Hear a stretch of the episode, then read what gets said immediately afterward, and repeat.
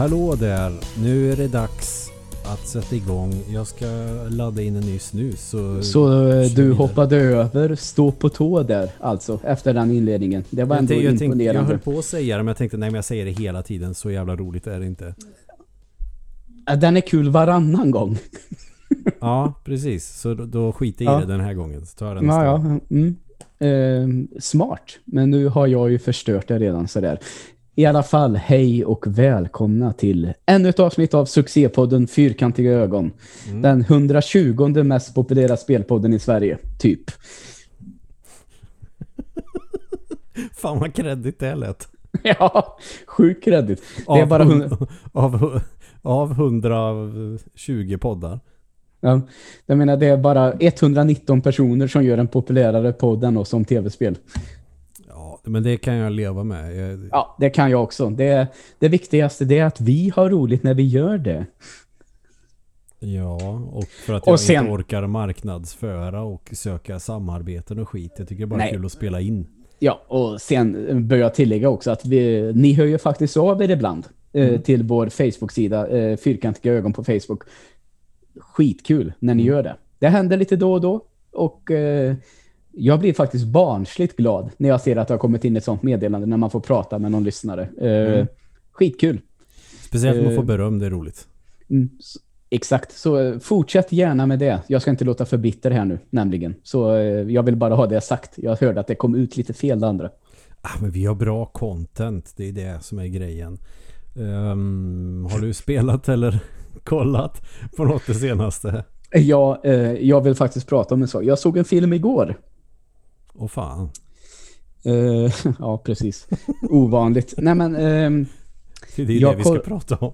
Ja. nej, men du vet, ibland så ser man en film på bio till exempel. Eller för all del hemma i tv-soffan.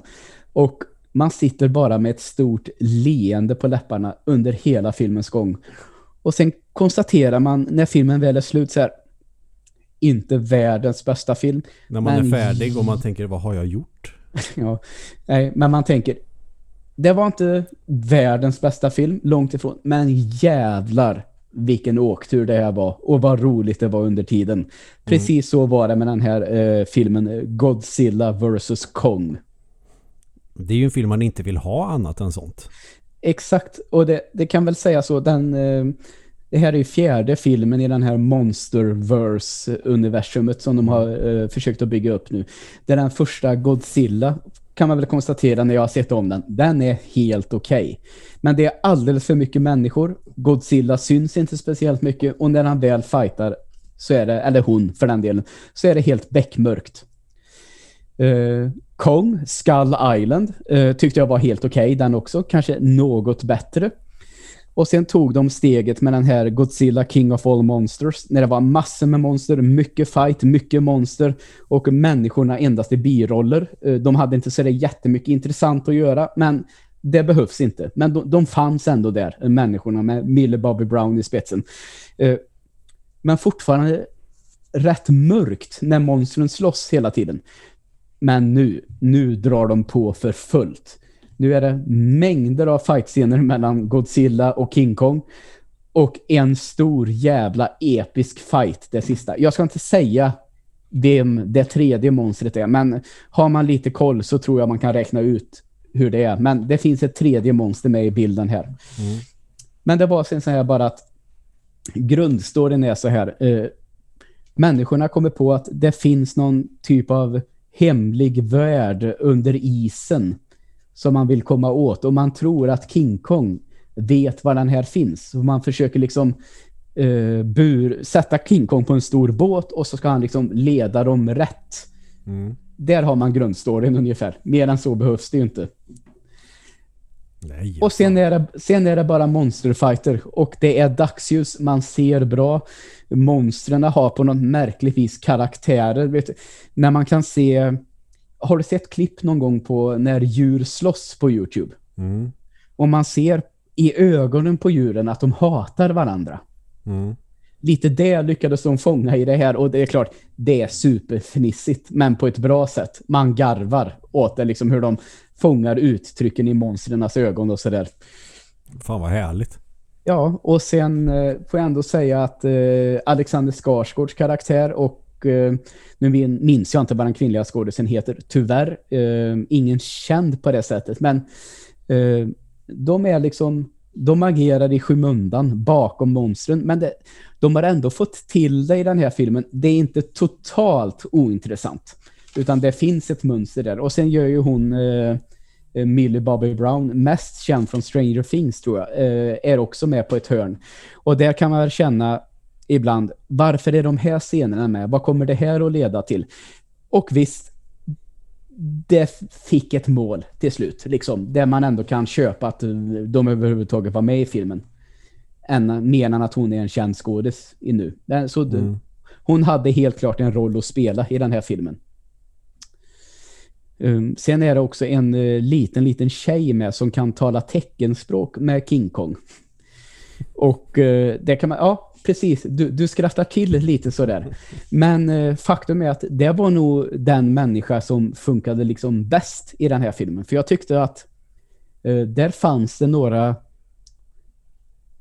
jag ska inte säga sentimentala scener, men det fanns några scener där det verkligen, du vet, med King Kong så är det här, i originalfilmen så är hela den här, eh, det är nästan lite skönheten och odjuret grejen, att eh, eh, apan eh, blir kär i den här eh, mänskliga tjejen och liksom gör allt för att försvara henne och hela det där eh, snacket och att monstret på något vis där visar mänskliga känslor som människorna i filmen inte visar. Det är en sån känd premiss med King Kong och i de här första filmen och i de remakes som finns. Mm. Och det är också det som jag tror på något vis gör att om du ska använda, jag vet inte vad det är bästa ordet på svenska här, men eh, King Kong är ju jävligt likable. För att han har de där känslorna som borde finnas hos människor. Och det är väl istället för att ha en eh, vuxen kvinna som han liksom blir kär i, så eh, har han det här barnet i den här serien istället. Och det finns ju inte någon, ja, det finns ingen som helst viss kärleksrelation där. Han blir inte kär i barnet utan han Nej. bryr sig om barnet. Ja, precis. Och eh, fungerade överraskande bra i den här annars eh, komiska filmen där det bara handlar om att ha kul. Så det var också, eh, gav filmen en liten extra nerv. Mm. Så jag får säga, det, det är ju utan tvekan den bästa filmen i den här Godzilla-franchisen som har kommit. Jag hade skitkul i en timme och 45 minuter. Mm.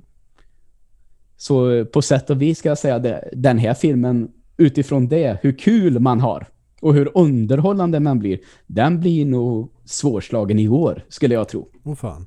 Ja, alltså superöverraskad och supernöjd med den här filmen, faktiskt. Bra. Ja, i den här genren så var det en riktig, riktig fullpoängare, faktiskt. Ja, det var riktigt, riktigt kul att se. Um, Jag har haft kul i 12 timmar. jaha du, vad har du gjort då då? Jag eh, fick faktiskt arslet i vagnen och kolla på The Mandalorian till slut. Ja, det visste jag ju faktiskt om, men jag kopplar inte att det var det du ville prata om nu faktiskt ändå. Ja, ja, nej men jag ska vara Mm. kortfattad. Ja, det, det kan vi väl ta um, en rejäl diskussion om senare i så fall. Ja, det kan vi Ja. absolut göra. Det tänker jag kan bli ett avsnitt. Ja, Och exakt. att man kan ta det lite senare så fler har sett det. För att det kommer ju inte gå att prata om den utan att spoila skiten ur saker. Nej, exakt. Men, ja, eh, men eh, om du ska bra. hålla det... Ja, om du ska hålla det kortfattat, vad vill du ha sagt då? Eh, jag tycker att nu när jag fått smälta den också i eh, några dagar. Vi såg Mm. den ju, vi spenderade hela lördagen och eh, en liten bit av söndagen för att se de två sista avsnitten. Mm. Vi, vi klämde liksom hela serien. Vi Ja, bestämde oss för att göra det. Eh, jag tyckte att den var eh, genombra hela vägen. Mm. Och var glad. Alltså det, var, det, det här var liksom, det här var Star Wars som jag ville ha.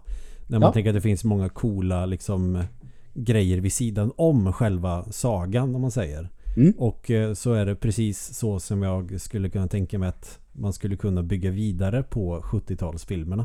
Ja. Exakt. Med att göra eh, med hela den här gruppen Mandalorian som innehör, ja, den kändaste är väl Boba Fett. Mm. Och Jango Fett också då. Men Bobba är väl den man känner till. Mm. Eh, de, de har ju varit med i en del av de här animerade filmerna, eh, serierna och filmerna för den delen som Mm. de har gjort. Eh, Clone Wars och Rebels bland annat. Där har de ju utforskat det här lite med Mandalorian mer. Så det var ju när man har följt dem, som jag har gjort, så var det ju extremt roligt att se det i live action. Mm. Eh, den här kvinnliga Mandalorian, Bo-Katan till exempel, eh, har ju varit med en hel del i de animerade och är ju en karaktär som är jävligt badass i den serien. Och det är hon ju verkligen i Mandalorian också. Mm. Så det, och de nailar den karaktären i någonting som inte är animerat då, live action. Jag tyckte de satte det helt perfekt.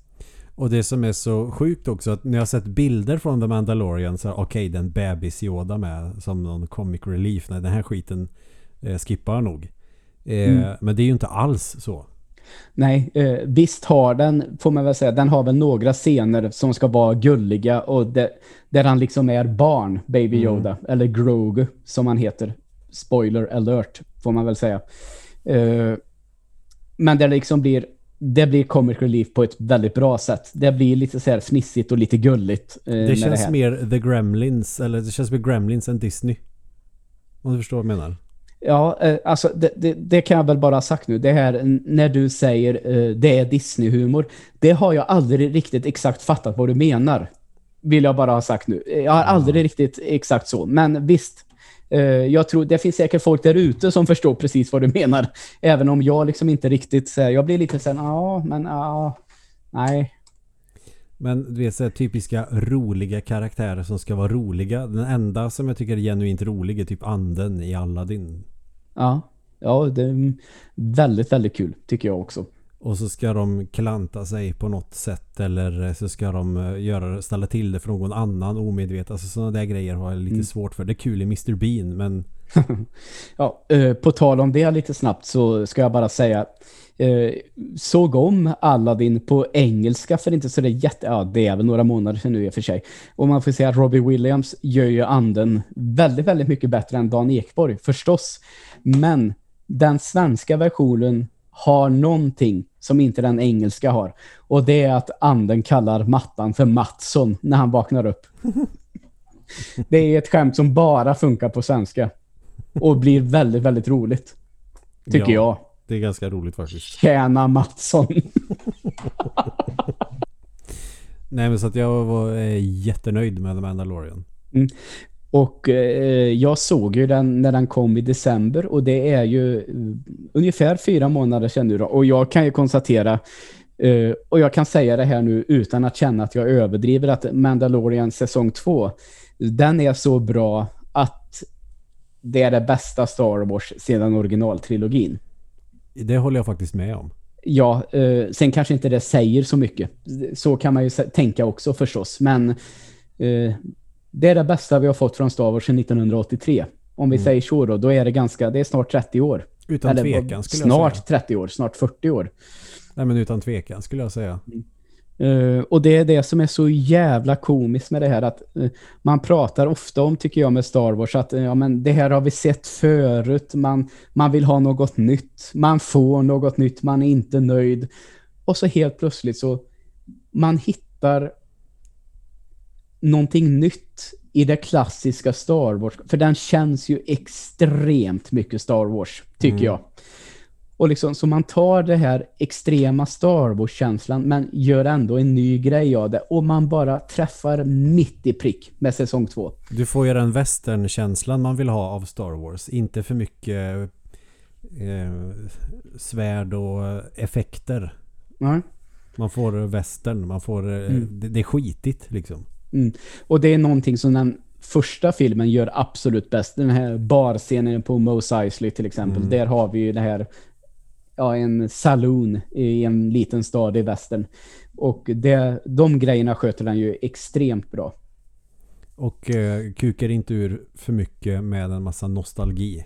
Och, Nej, alltså eh, här har jag ändå hört, det är ju trots allt det som några klagar på. Eller klagar, som några säger, jävlar vilken fanservice det var. Och ja, det är det ju, men den sköts ju på ett så snyggt sätt.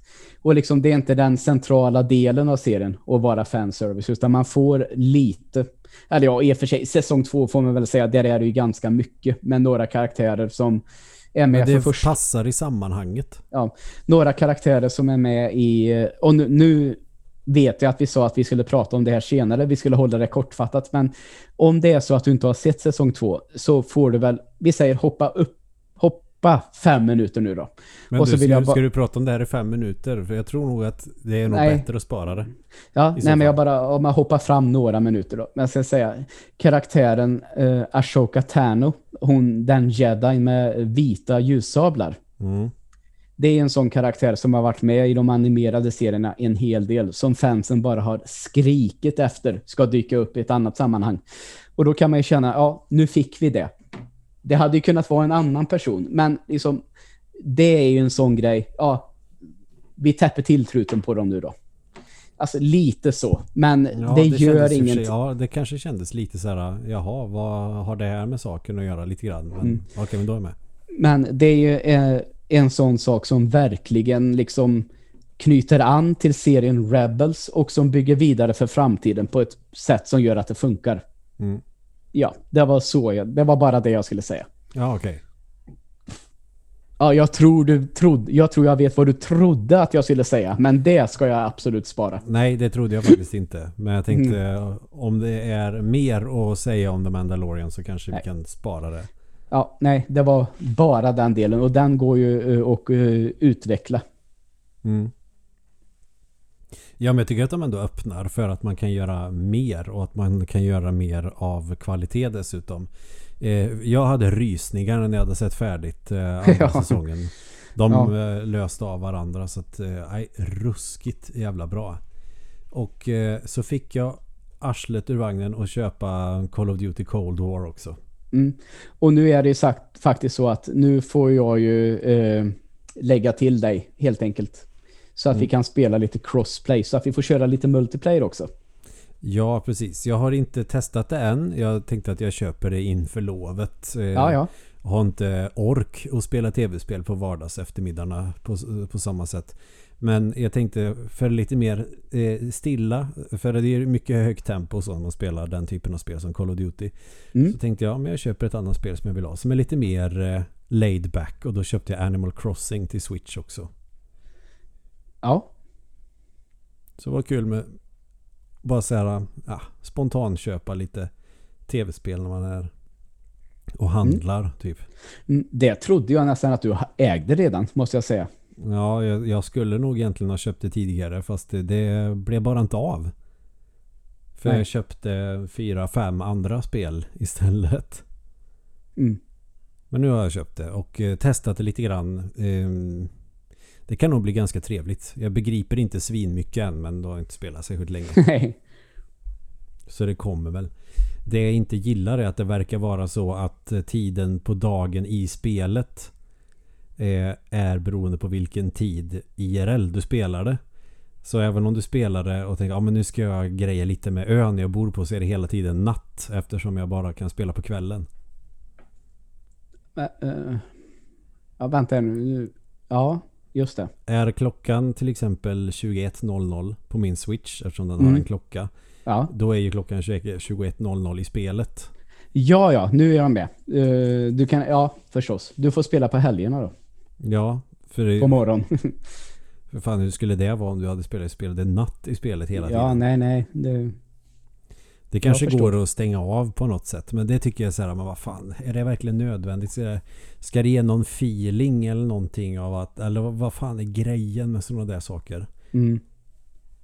Men eh, hur tänker du kring, eh, eller vad fick du för frukt från första början? För det har jag förstått är en sån där eh, intressant grej. Jaha, jag fick äpplen. Äpplen, ja. Bra, för det har jag ju förstått att eh, det där får man ju åka till andra öar och besöka vänners bla bla bla och byta till sig för att kunna få alla frukter hit och dit. Eller grönsaker och allt vad det kan vara. Äpplen. Ja, var det och- äpplen. jävla bra scen. Köp Och ett det- äpple. Och det är tack vare dig som jag i vuxen ålder återupptäckte den. Ett minne från barndomen. Äh, köp äpple. Planeten, planeten Pi får ni eh, googla på. Ja. Och ormen som försöker sälja äpplen. Det är en sjukt rolig parodi på Edens lustgård, ja. antar jag. Där de första människorna heter Ada och Evert. ja, det är sjukt kul. Jag tror, ja. att, det är, jag tror att det är Ulveson va, som gör ena rösten där. Mm. Mm. Och så har vi Gudrun istället för Gud. Ja. Nej, så det är väl det. Så Call of Duty eh, kanske jag får eh, säga någonting om nästa gång då. Eftersom jag inte har kört den. Men jag köpte nu i alla fall så då får jag väl prova det. Jag funderade på att köpa det till PC. Men jag köpte det till PS5 av den anledningen att det finns inte jättestort utbud till PS5. Och jag vill ha haptic feedback. Ja. Annars så är det ju givet att man spelar den typen av spel på PC. Men nu gjorde jag Kanske. inte det. Så. Men ska vi dra igång med veckans ämne då? Ja, det tycker jag att vi gör. Alltså, det, det, var bara jag som fick en känsla. Det, eh, jag tittar på en av de här eh, gamla grupperna, eller gamla, en av de här Facebook-grupperna som finns där man kan få gamla PC-spel värderade. Jag tycker att det är lite kul att se där vad folk äger för någonting. Mm. Och då är det naturligtvis en jävel där som har ja, jag fick de här spelen när jag var tio år och jag har aldrig upplåt dem. Så nu har jag 200 spel unboxade. Kan det här vara värt något? Och bara, jävlar! Och han har typ eh, Quake 1, 2, 3 mm. med plasten kvar på. Sådana här stora boxar som det var på den tiden. Men PC-spel brukar inte gå upp i pris så där jättemycket väl? Eh, nej, jag tror, att de blev, jag tror att de blev värderade till 1500 kronor styck. Så det är klart, har man noll intresse så är det 4 500 bara för de tre. Då är det ändå inte gigantiska summor men ändå ganska bra pengar för någonting man bara vill bli av med. Ja, det är faktiskt högre än jag trodde. Men då är de helt oöppnade i så fall. Ja, exakt. Som då jag sa, plasten kvar. Ja, hade det varit mm. eh, A Link to the Past med plasten kvar då hade det ju varit betydligt mer. Då hade du fått lägga till en nolla kanske. Ja, ja. Du ser. Um, mm. Men ett av spelen som den här personen sålde, det var både de två första Backpacker-spelen. Mm. Och då slog det mig verkligen så här, fan, det känns som alla som köpte, eller som fick sin första PC, jag tänker någonstans där kring eh, 96-97 eh, när det här avtalet kom för kommunanställda att de kunde köpa en PC och det drogs av på lönen så där lagom. Eh, någon sån där satsning som många kommuner gjorde på den tiden. Mm. Då känns det som det här spelet som antingen följde med eller som man av någon anledning bara kom över. Eller för den delen köpte. Alltså det känns som något av de här Backpacker 1 eller 2 hade alla. Verkligen. Och det känns som att också det var ett sånt, den typen av spel som många, det var det första spelet folk körde på PC. Ungefär så. Jag tror vi fick något rallyspel när vi köpte vår första dator. Ja, så kan det ju också vara. Så kan det också vara naturligtvis. Och jag vet att eh, hade ju med något annat sånt här spel. Eh, nu köpte vi ju inte dator via kommunen utan vi köpte själva. Men ändå, det, det följde med lite sådana där CD-skivor eller disketter för den delen med märkliga saker på. Men just för oss, då var det Backpacker som följde med på en CD. CD-ROM. Och det känns som, det kanske inte är ett spel i den bemärkelsen riktigt. När man tänker på tv-spel, dataspel. Men det var måste ju vara ett spel som hur många människor som helst har spelat. Ja. Det är typ bara jag som aldrig har spelat det. Jag har sett det för vi hade det på eh, min mellanstadieskola. Mm. Men det intresserade mig inte. Nej, det förstår jag. Eh, och, men framförallt så var det ett spel så där, jag kommer ihåg när vi hade vår PC. Mamma har ju aldrig spelat på det sättet. Hon har, hon har spelat Mario Kart eh, någon gång med mig och körde åt fel håll så att den där eh, kopan i det där molnet kommer ner och vevar med den där flaggan. Du kör fel, du kör fel. Och mars, morsan grattade så, skrattade så hon grät och jag var arg för att hon inte kunde. Men just det här med backpacker och få börja där i Stockholm någonstans och göra sin första resa till Norge vanligtvis så att man kunde vara jägare och tjäna lite snabba pengar för att sen ta sig vidare ut i världen. Jag kommer ihåg, hon blev manisk kring detta.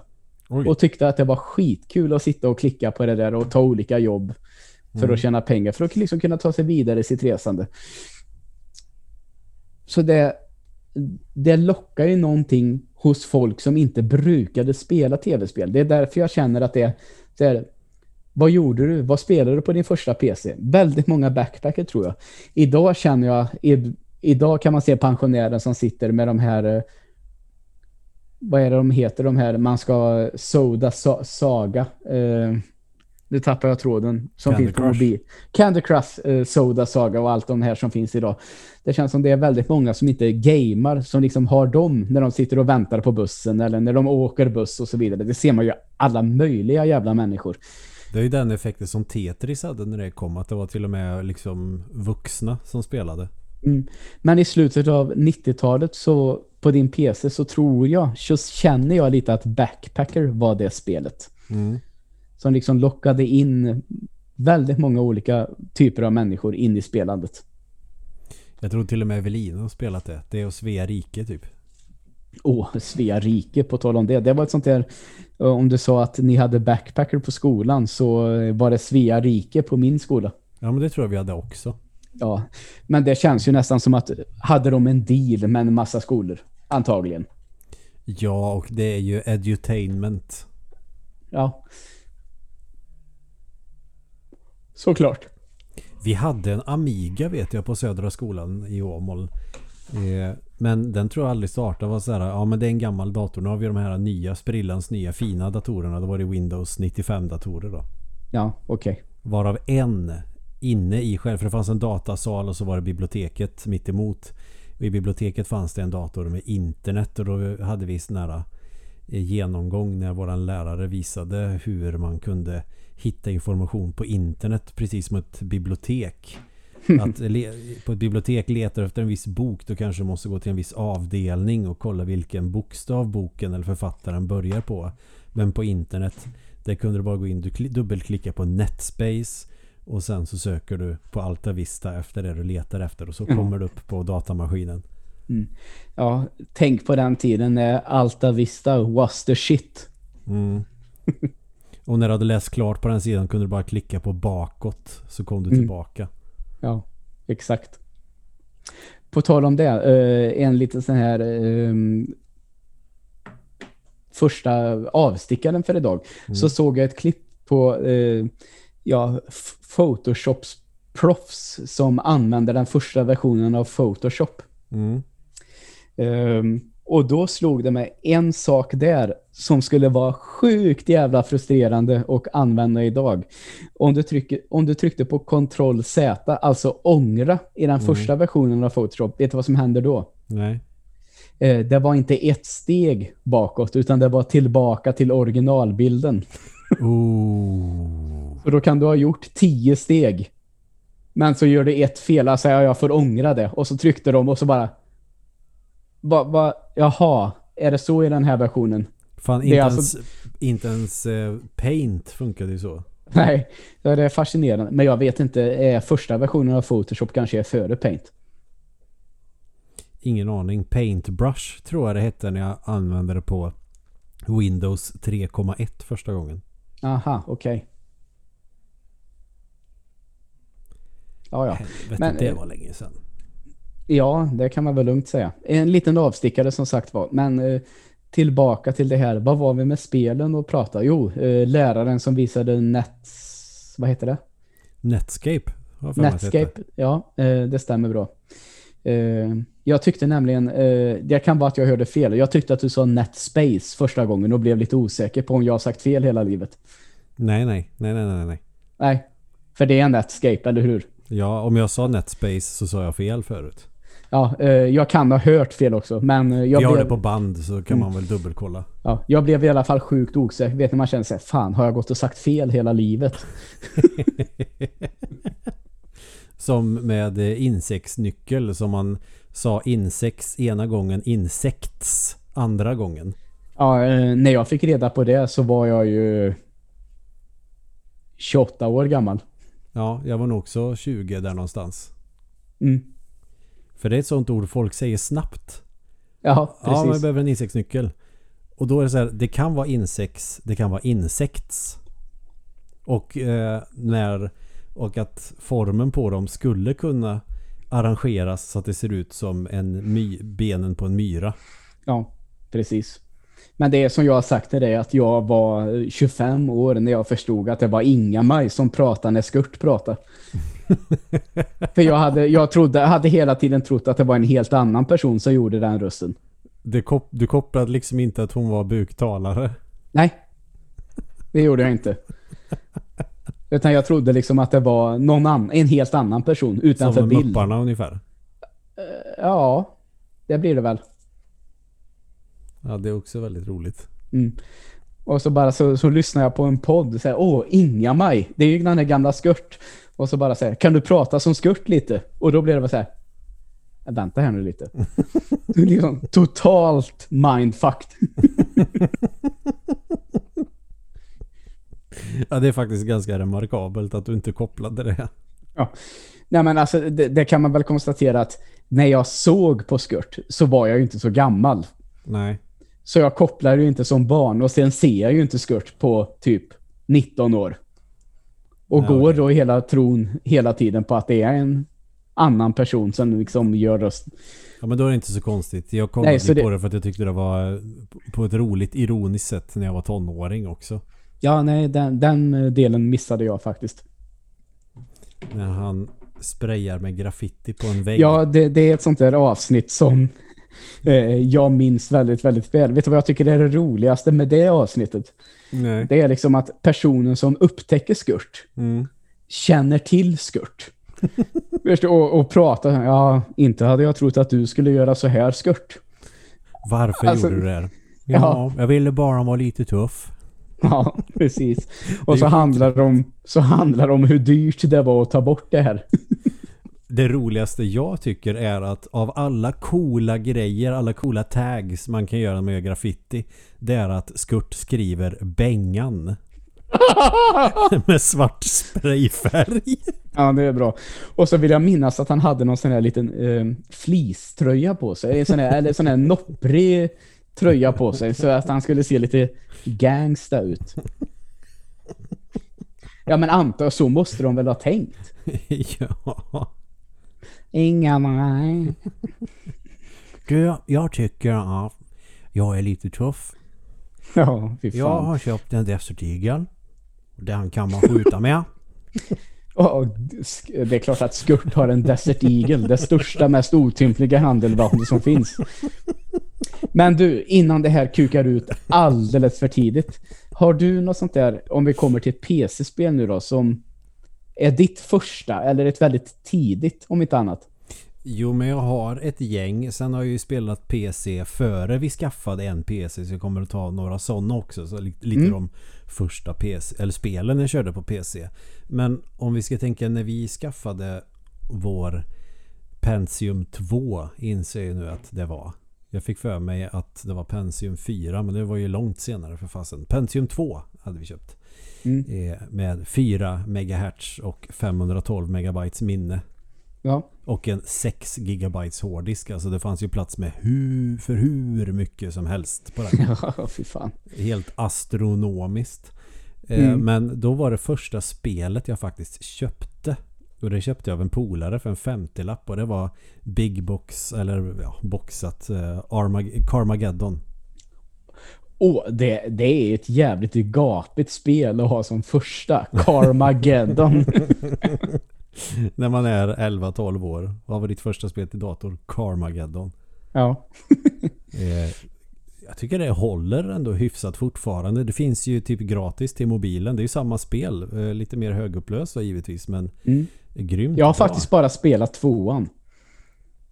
Ja, men ettan är kul också. Jag, Mm. Tvåan har faktiskt inte spelat sen Ah, kanske okej. 90-talet. Ja.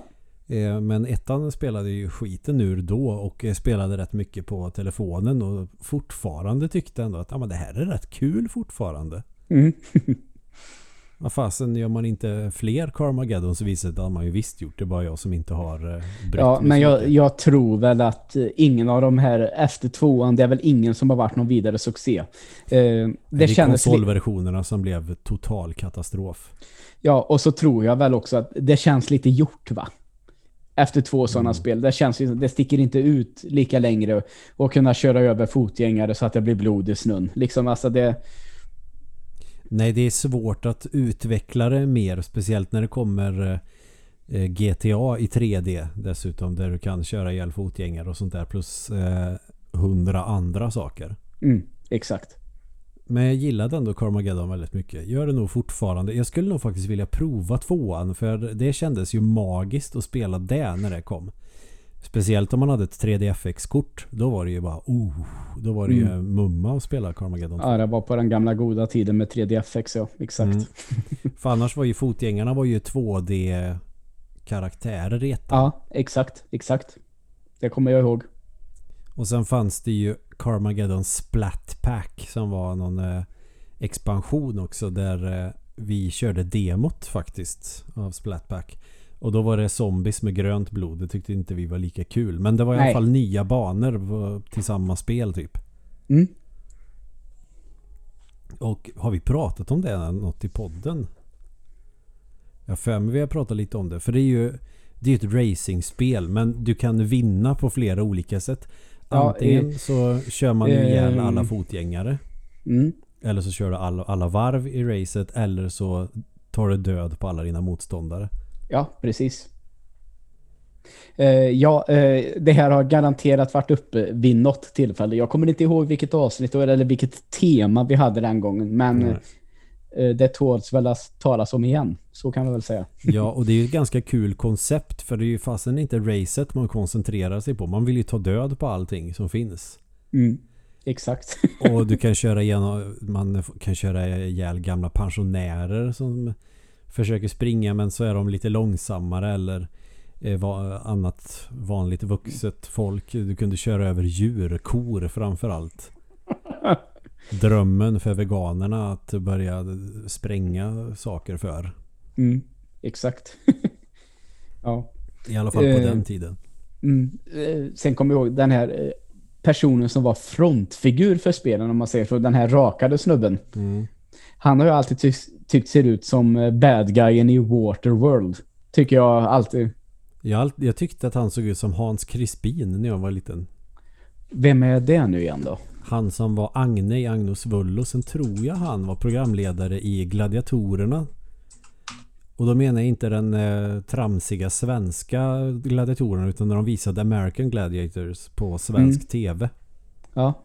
Ja, det är en person som jag känner igen förstås. Eh, och visst, eh, påminner om Carmageddon-killen. Så Mm. är det ju. Mm. Max Damage som heter. Sen kunde du välja Diana också. Mm. Precis. Det var de två karaktärerna man kunde välja. Och så kunde man låsa upp eh, nya bilar om man ville.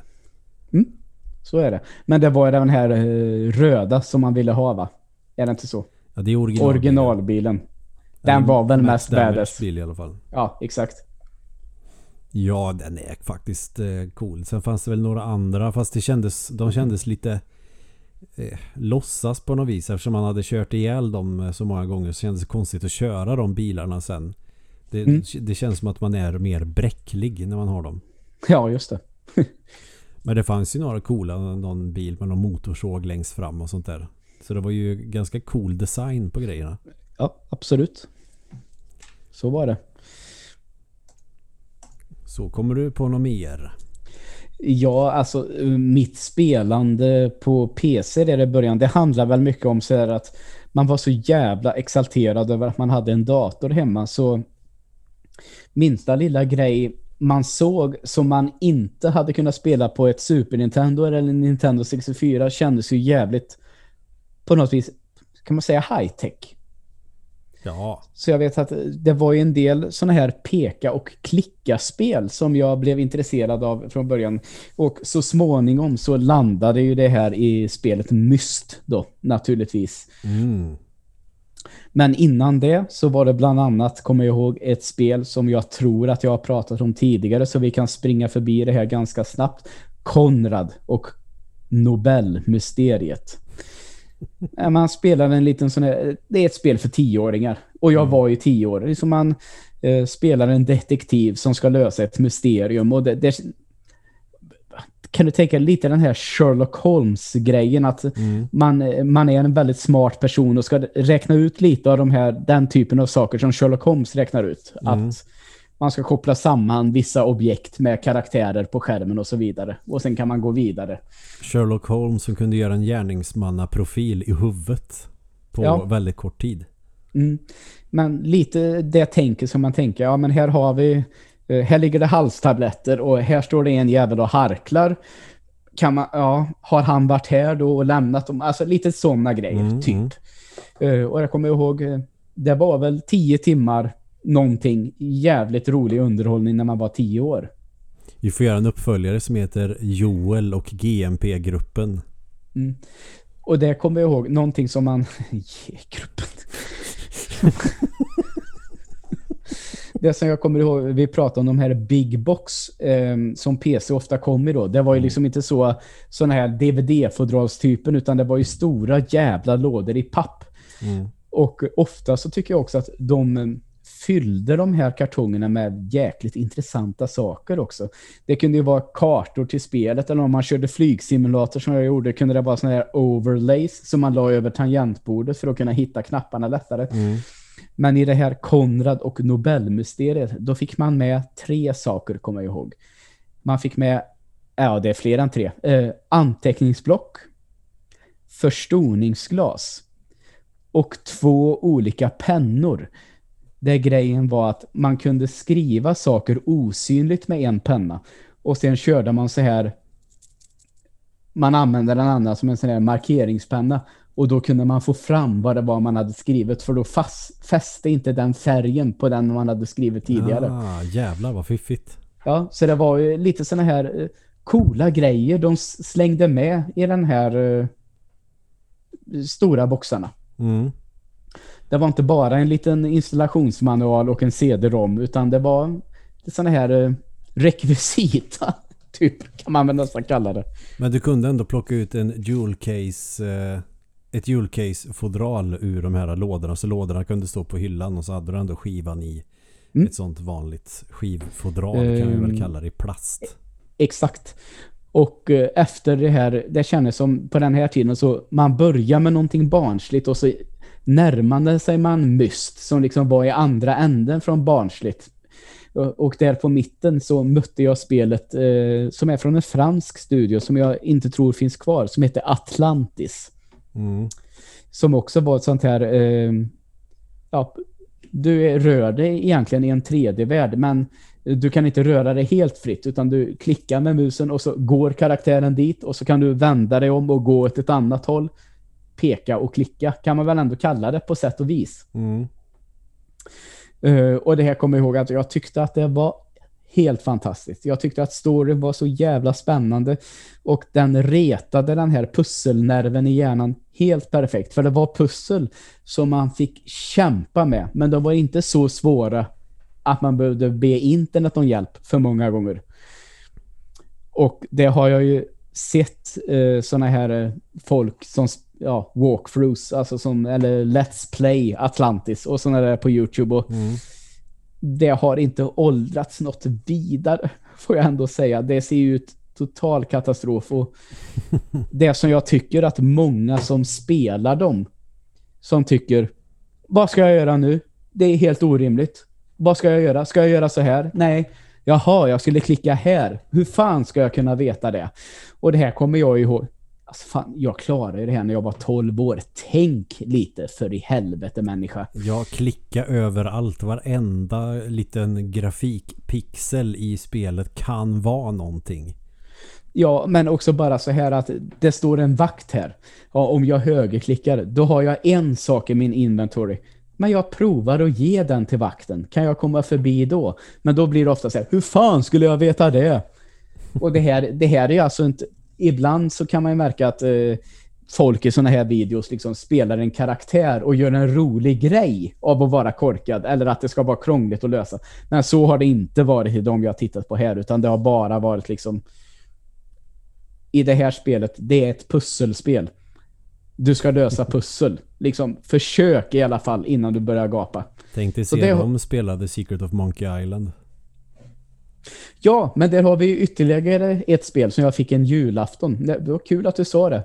Jag tror att det var eh, nummer fyra i serien. eh, Som, vad är det eh, piraten heter i där? Guybrush Threepwood. Ja, jag tror det heter Guybrush Revenge eller något sånt där. Kan det ha Jaha, varit... Lee eh, Chucks Revenge. Du tänker på Ja. spökpiraten där. Ja, Lee Chucks Revenge. Kan det ha varit nummer tre, fyra någonstans? Eh, LeChucks Revenge tror jag är tvåan.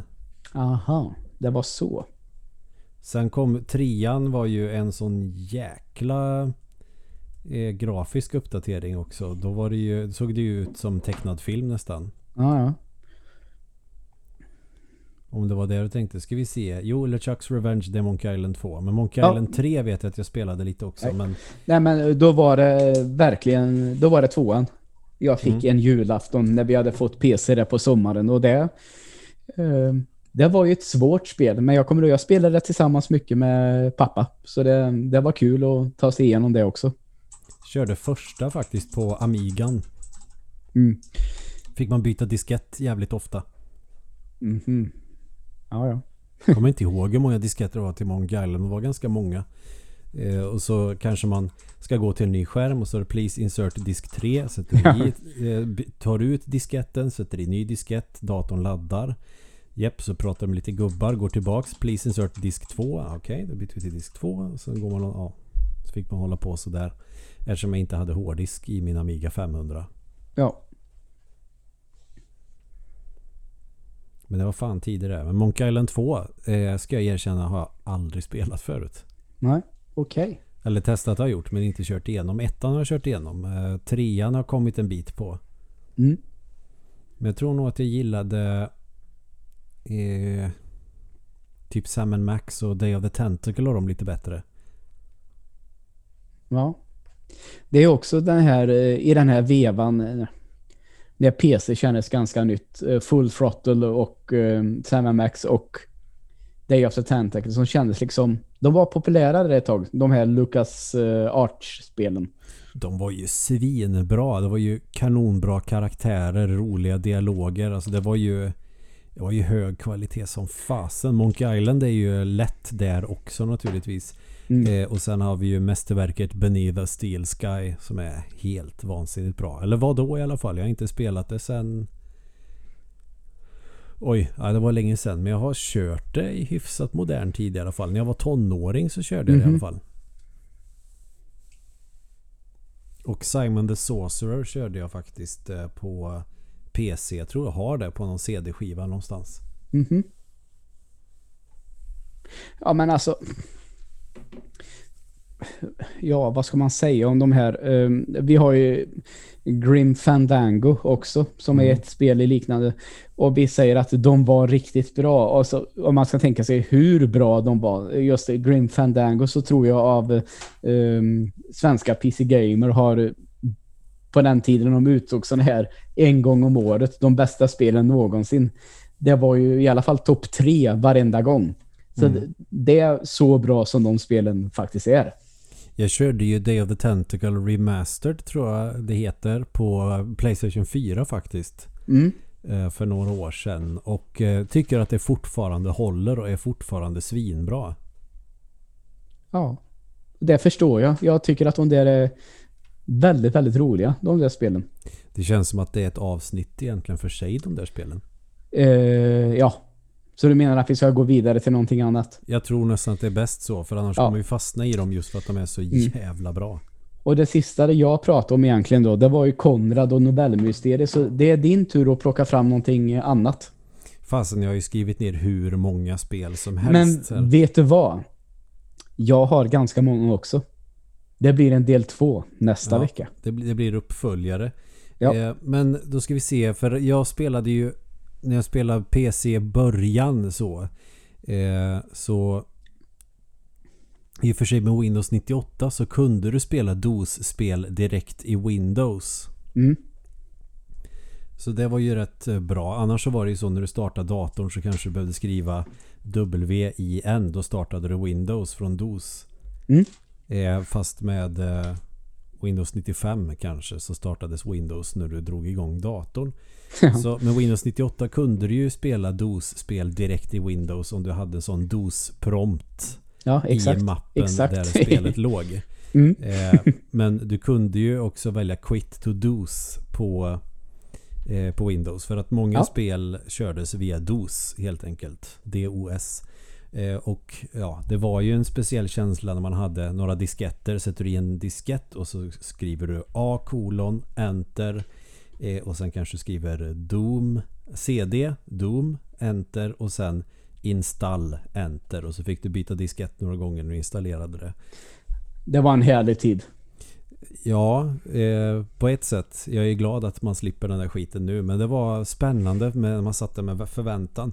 Men jag tänkte faktiskt ta någonting. Doom, Duke Nukem, Quake och sånt där har man ju pratat skiten ur. Mm. Eh, jag tänkte nämna ett spel som vi spelade jävligt mycket som var extremt charmigt och det hette The Incredible Machine. Jaha, okej. Okay. Det är ingenting jag känner till, får jag ändå erkänna då. För det är också ett pusselspel. Eh, men du har väl sett sådana här videos när folk så här, eh, Det är ju mig tillbaka till framtiden och sådana här filmer, sådana här uppfinnare som lägger någon järndank i någon liten bana och sen slår den till på någon burk som välter på någonting annat och så är det något hjul som börjar snurra mm. eh, som träffar någonting som de har någon vikt som eh, höjer upp någon liten gränd eller en liten eller nej, inte gränd. Jag vet inte vad det heter. Ja, skitsamma. Ja, skitsamma. En grind skulle jag säga. Ja. inte gränd, det är ju helt fel. En liten grind som öppnas och så är det någonting annat som kommer fram. Till slut så petar de på någon brödrost och så kommer det ut bröd. Alltså en sån. Och det spelet gick ut på att eh, konstruera sådana. Okej. Okay. Så då kanske du hade banan kanske du kunde se att ja, men där är ett bowlingklot på någon bräda och så måste det finnas någon annan motvikt som slår emot så det bowlingklotet flyger iväg och träffar någonting annat. Mm. Eh, och så fick du, så banan var inte färdig. Du fick eh, kanske en tredjedels färdig bana och sen så hade du de här olika grejerna. Kanske en liten baseball, ett bowlingklot, eh, en katt. Eh, som du skulle placera ut på banan och sen skulle du trycka på play och så skulle du se hur den här maskinen då satte igång. Och eh, funkade den in, inte då fick du kanske justera, placera någonting annorlunda och så trycka igen. Nästan som när man skriver kod och ska debugga. Mm. Fast du ska placera ut grejer och göra en sån här rolig maskin. Ja, just det. Och eh, det går det här att få tag på idag? Vet du det? Via det här Good Old Games eller Steam eller hur? Vet du? Du, ska vi kolla det? Eh, ska vi se. GOG.com va? Ja.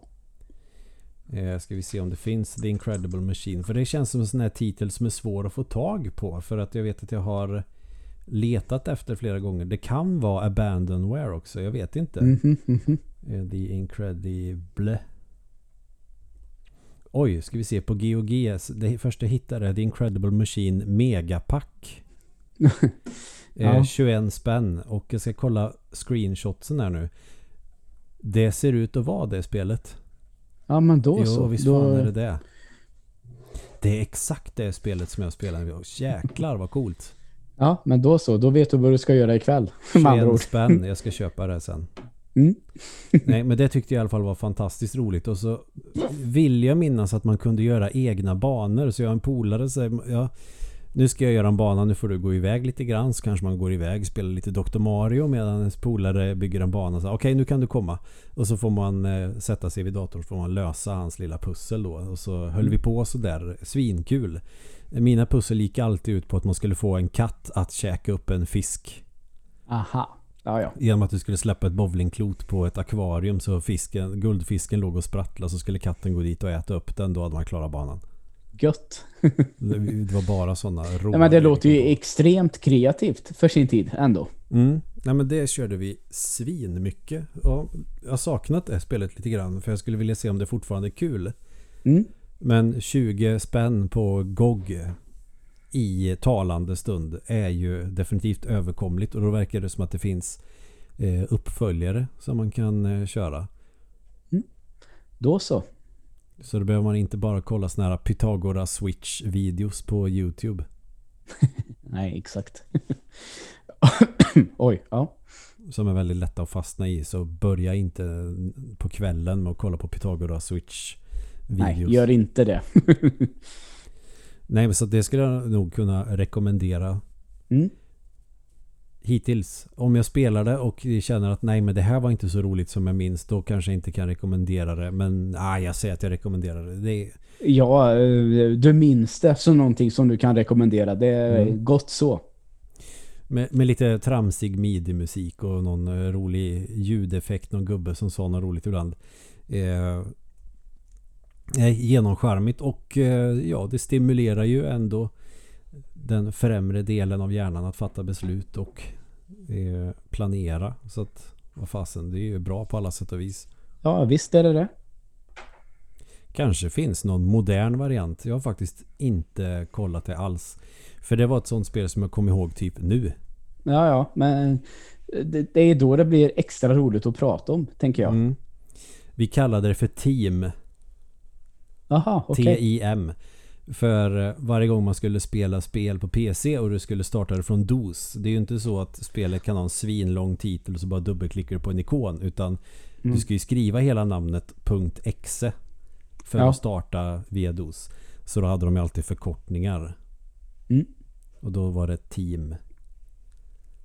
Ja, det var väl en smidig förkortning. Skulle man spela Prince of Persia så fick man skriva pop.exe.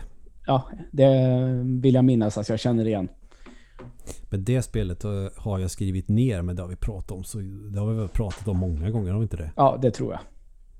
Det är i och för sig, körde jag på Amiga för eh, någon vecka sedan faktiskt. Mm, det, här tror jag, nu har jag säkert frågat det förut, men det vet jag att farsan hade på Super Nintendo och spela mycket. Är det det?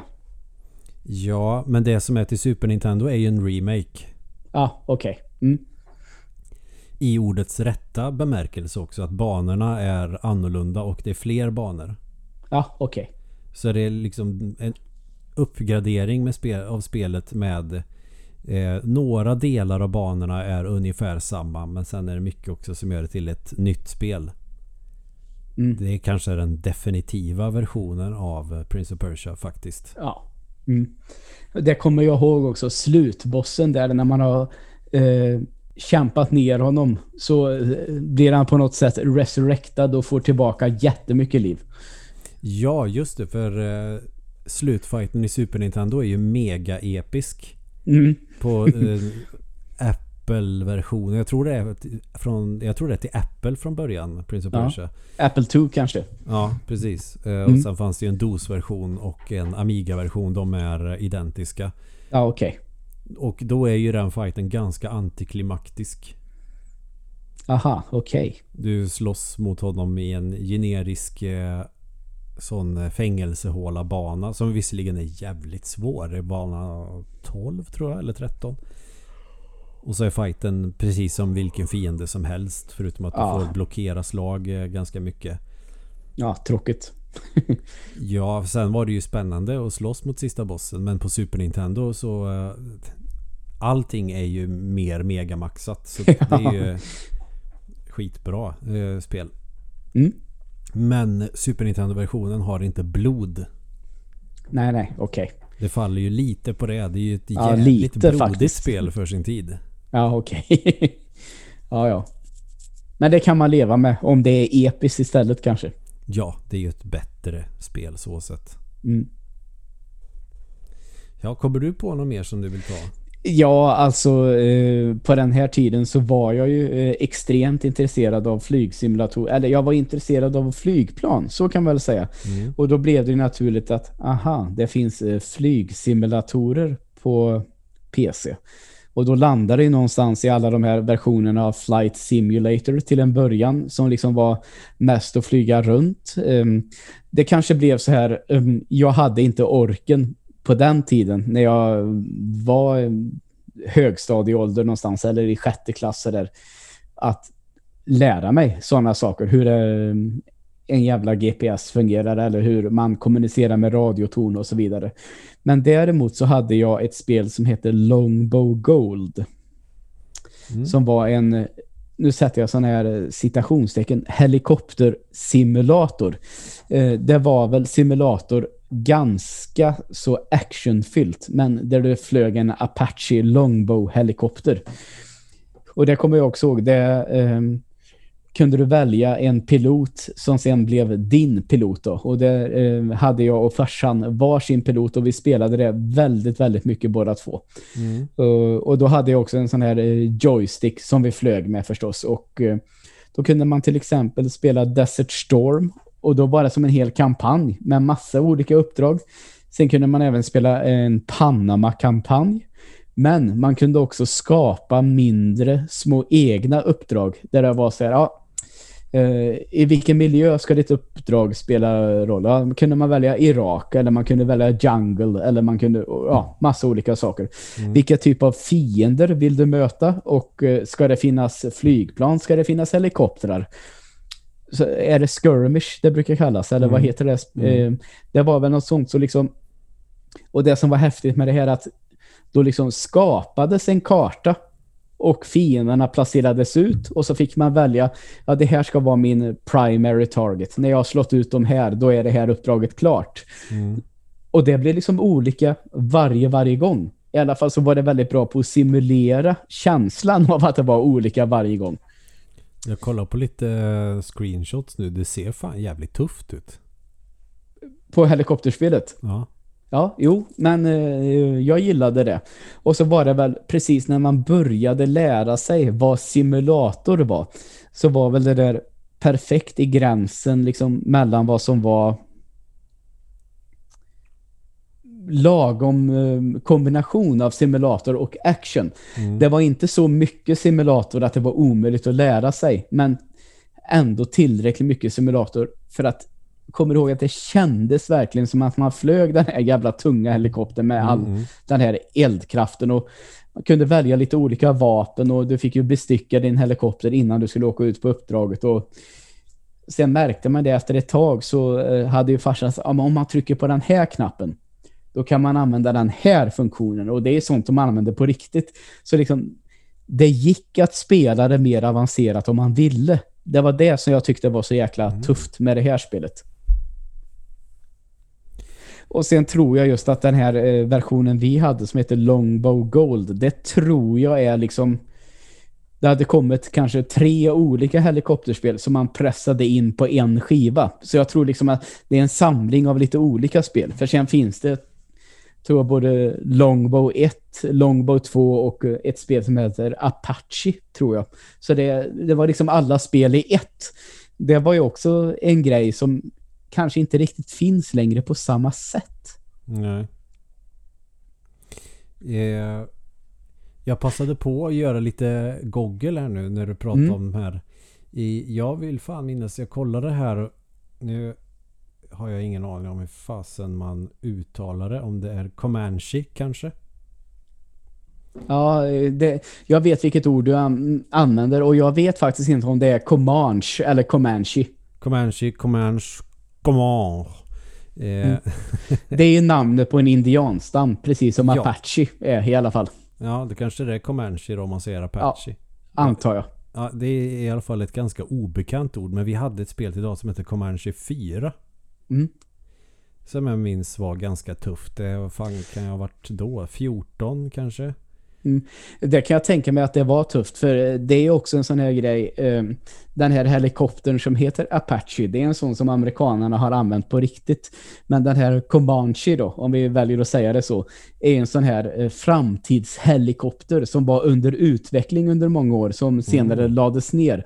Så jag förstår att man gjorde många spel på det konceptet, för då kunde man ta sig lite kreativa friheter, tänker jag, på vad den här Mm. helikoptern skulle klara av att göra. Så det förstår jag att det passar alldeles utmärkt som spel. Det var jävligt snyggt för sin tid också. Mm.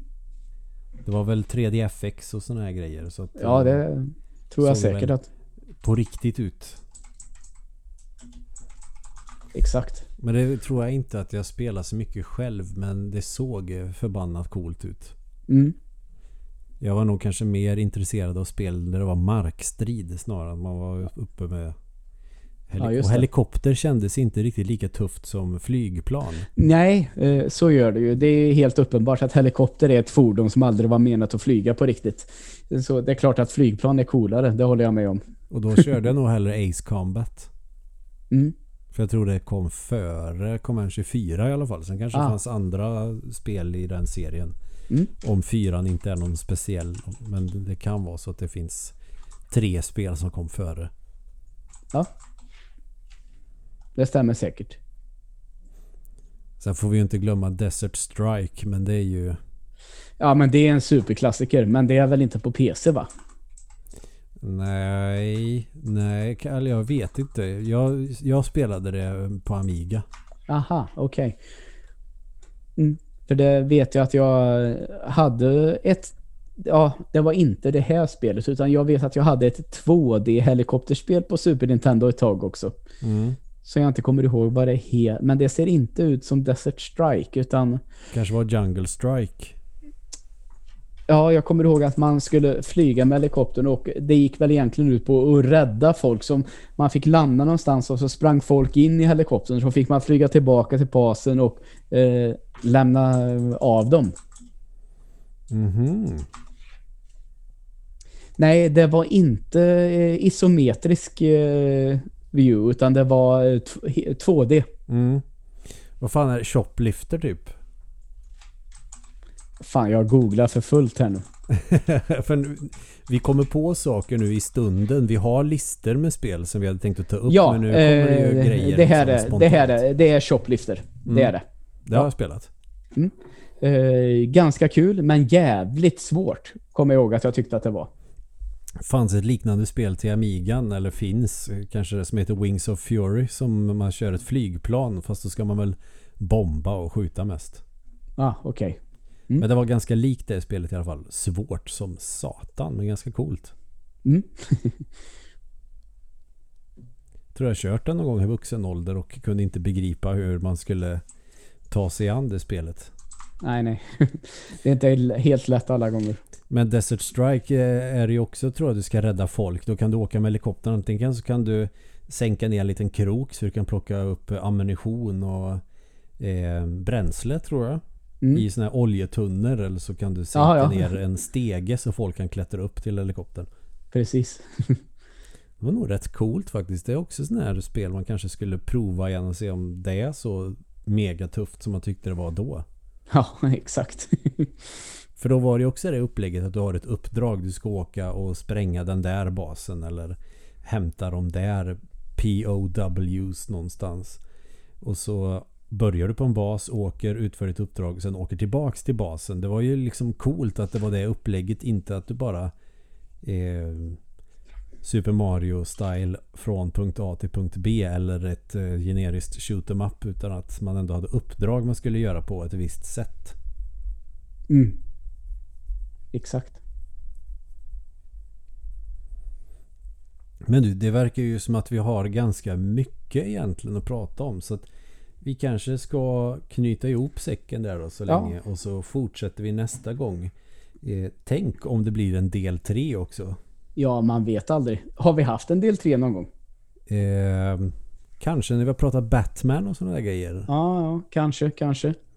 För gamla PC-spel har vi pratat väldigt lite om. Mm.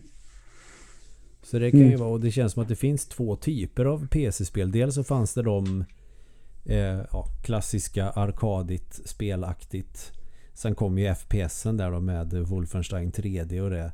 Men det fanns också rätt påkostade bra edutainment-spel som kanske känns mer PC än konsol. För den typen av spel på konsol var ju oftast skit.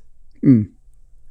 Men på PC kunde det funka bra. Backpacker var nog egentligen ett jävligt bra spel när det kom. Säkert, säkert. Och eh, Svea rike och de här. Mm. Där man också ska lära sig någonting. Ja, jäkligt spännande.